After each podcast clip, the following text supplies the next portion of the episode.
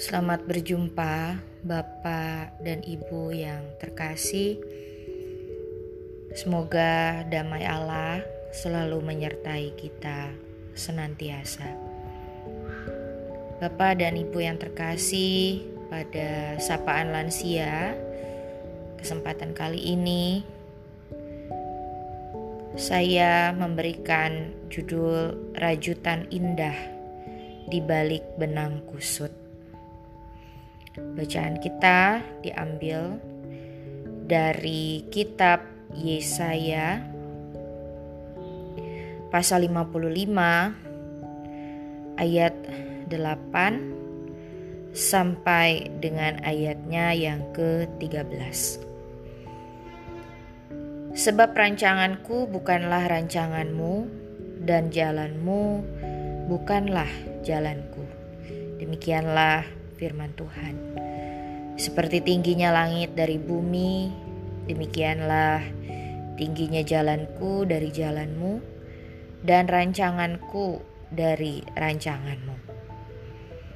Sebab seperti hujan dan salju turun dari langit dan tidak kembali ke situ, melainkan mengairi bumi, membuatnya subur, dan menumbuhkan tumbuh-tumbuhan memberikan benih kepada penabur, dan roti kepada orang yang mau makan. Demikianlah firmanku yang keluar dari mulutku. Ia tidak akan kembali kepadaku dengan sia-sia. Tetapi ia akan melaksanakan apa yang ku kehendaki dan akan berhasil dalam apa yang kusuruhkan kepadanya. Sungguh, kamu akan berangkat dengan sukacita dan akan dihantarkan dengan damai. Gunung-gunung serta bukit-bukit akan bergembira dan bersorak-sorai di depanmu, dan segala pohon-pohonan di padang akan bertepuk tangan. Sebagai ganti semak duri akan tumbuh pohon sanobar dan sebagai ganti kecubung akan tumbuh pohon murad. Dan itu akan terjadi sebagai kemasyuran bagi Tuhan, sebagai tanda abadi yang tidak akan lenyap.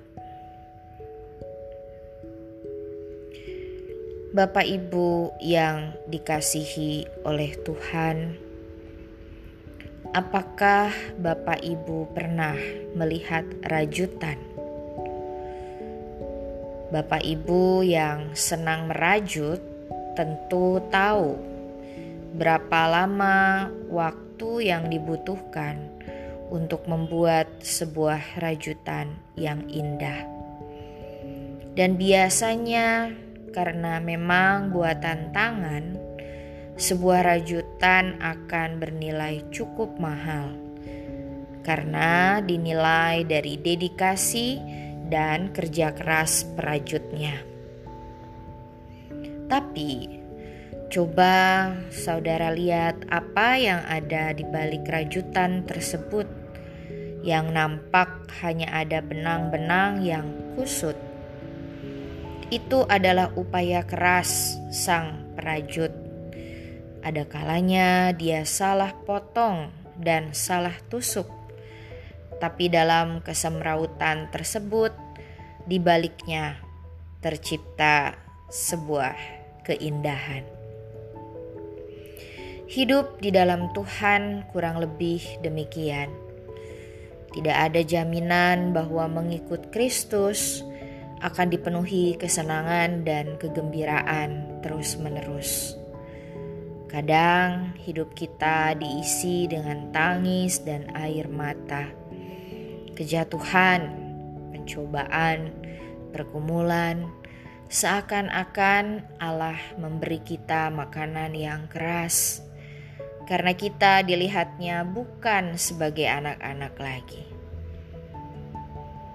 Tapi pencobaan dan pergumulan itu diizinkannya dengan tidak melebihi kekuatan dan kemampuan kita. Pada akhirnya, Dia memberi kita kekuatan untuk melaluinya sampai kita berhasil. Ada seorang penyair pernah berkata, "Waktu aku masih anak-anak, aku ingin sekali mengubah dunia. Waktu remaja, aku berpikir susah mengubah dunia, maka aku berpikir mengubah lingkunganku. Ketika aku tua, aku baru sadar bahwa tidak mungkin mengubah dunia dan lingkunganku. Maka aku mulai mengubah diriku sendiri. Alangkah malangnya orang yang menyadari bahwa yang pertama mampu dan harus dilakukan adalah mengubah dirinya sendiri. Masa tua sering kali menjadi masa meratap dan mengingat nostalgia. Kita sering menangisi berbagai keputusan di masa lalu dan menyesali hidup. Jangan sampai kita larut menjadi orang yang demikian. Lansia yang tinggal di dalam Tuhan, Bapak Ibu, tidak akan menyesali masa-masa yang mampir dalam kehidupannya. Dia tidak akan menyerah dan putus asa dalam hidup. Memang ada kekesalan dan kegetiran, Bahkan kita pernah kecewa pada sang perajut hidup kita. Tapi lansia yang bertumbuh dalam Tuhan akan menyadari bahwa di balik benang-benang kusut ada hasil karya maha indah. Orang Israel dalam pembuangan hidup mirip seperti anak-anak yang terus belajar mengenal Tuhan. Sayangnya mereka tidak pernah bertambah dewasa. Inilah yang menyebabkan mereka jatuh dan jatuh lagi. Dalam segala derita itu mereka mulai merutuki nasib, tawar hati, memalingkan wajah dari Tuhan, dan lebih percaya pada perkataan manusia yang bersikap seolah-olah mereka Allah. Tapi Yesaya berkata, "Jalan Allah bukan jalan kita. Rancangannya bukan rancangan kita. Kita tidak akan sanggup menyamai pemikiran Allah. Mengapa kita mencari manusia? Mengapa kita mengandalkan manusia? Bukankah janji manusia tidak sama seperti janji Allah? Tuhan yang Maha Besar akan menolong kita. Dia dekat meski kita jauh. Tapi suaranya akan makin terasa jauh ketika kita juga menjauh. Lansia yang dikasihi Tuhan, alangkah bahagianya ketika kita bisa mengisi hidup kita dengan hal-hal baik. Cobalah mensyukuri hari demi hari. Sumber sakit kita adalah kecemasan dan kekhawatiran. Apa yang akan terjadi hari esok? Mau ke mana saya? Siapa yang akan bersama dengan saya?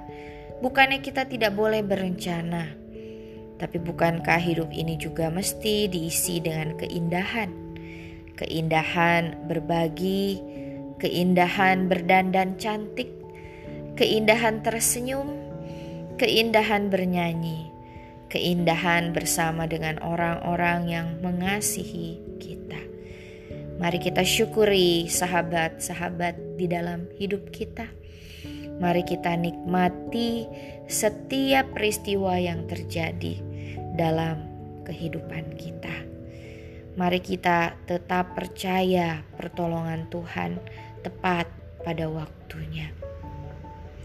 Mari kita menerima diri kita dan segala proses hidup yang harus dilalui oleh diri ini. Berterima kasihlah pada Tuhan yang sudah menjadikan kita indah. Terimalah diri kita apa adanya, karena Allah juga mengasihi kita apa adanya. Selamat menikmati kasih setiap Tuhan. Mari kita berdoa, Bapak Ibu. Ya Allah, kami mensyukuri hidup kami. Kami mensyukuri hari ini, hari yang telah Tuhan jadikan bagi kami dan kami bersyukur untuk keadaan kami, Tuhan, pada saat ini. Kami yang saat ini sedang sehat, ataupun kami yang saat ini sedang di pembaringan kami. Kami yang bisa berjalan ke mana-mana, ataupun kami yang saat ini hanya bisa tidur di tempat tidur. Kami yang puji syukur kepadamu mengurangi obat kami, tetapi kami juga yang baru saja diberitahu oleh dokter untuk meminum obat-obat tertentu supaya sehat dan sembuh. Ya Tuhan, ajarilah kami untuk bersabar pada diri kami sendiri. Ajarilah diri kami untuk bersabar pada waktu Tuhan, untuk bertabah hati. Ajarilah diri kami untuk bahagia, sama seperti Engkau selalu menginginkan yang terbaik dan kebahagiaan bagi kami. Dengan itu, biarlah kami boleh merangkul segala hal di dalam hidup kami, berdamai dengan itu semua, dan menikmati kasih Tuhan dalam hidup kami. Kami berdoa untuk setiap kami, khususnya lansia, agar hari ini kami sungguh-sungguh dapat menikmati kasih setia dan kebaikan Tuhan. Amin. Sampai berjumpa kembali Bapak Ibu yang terkasih. Damai Allah beserta kita. Amin.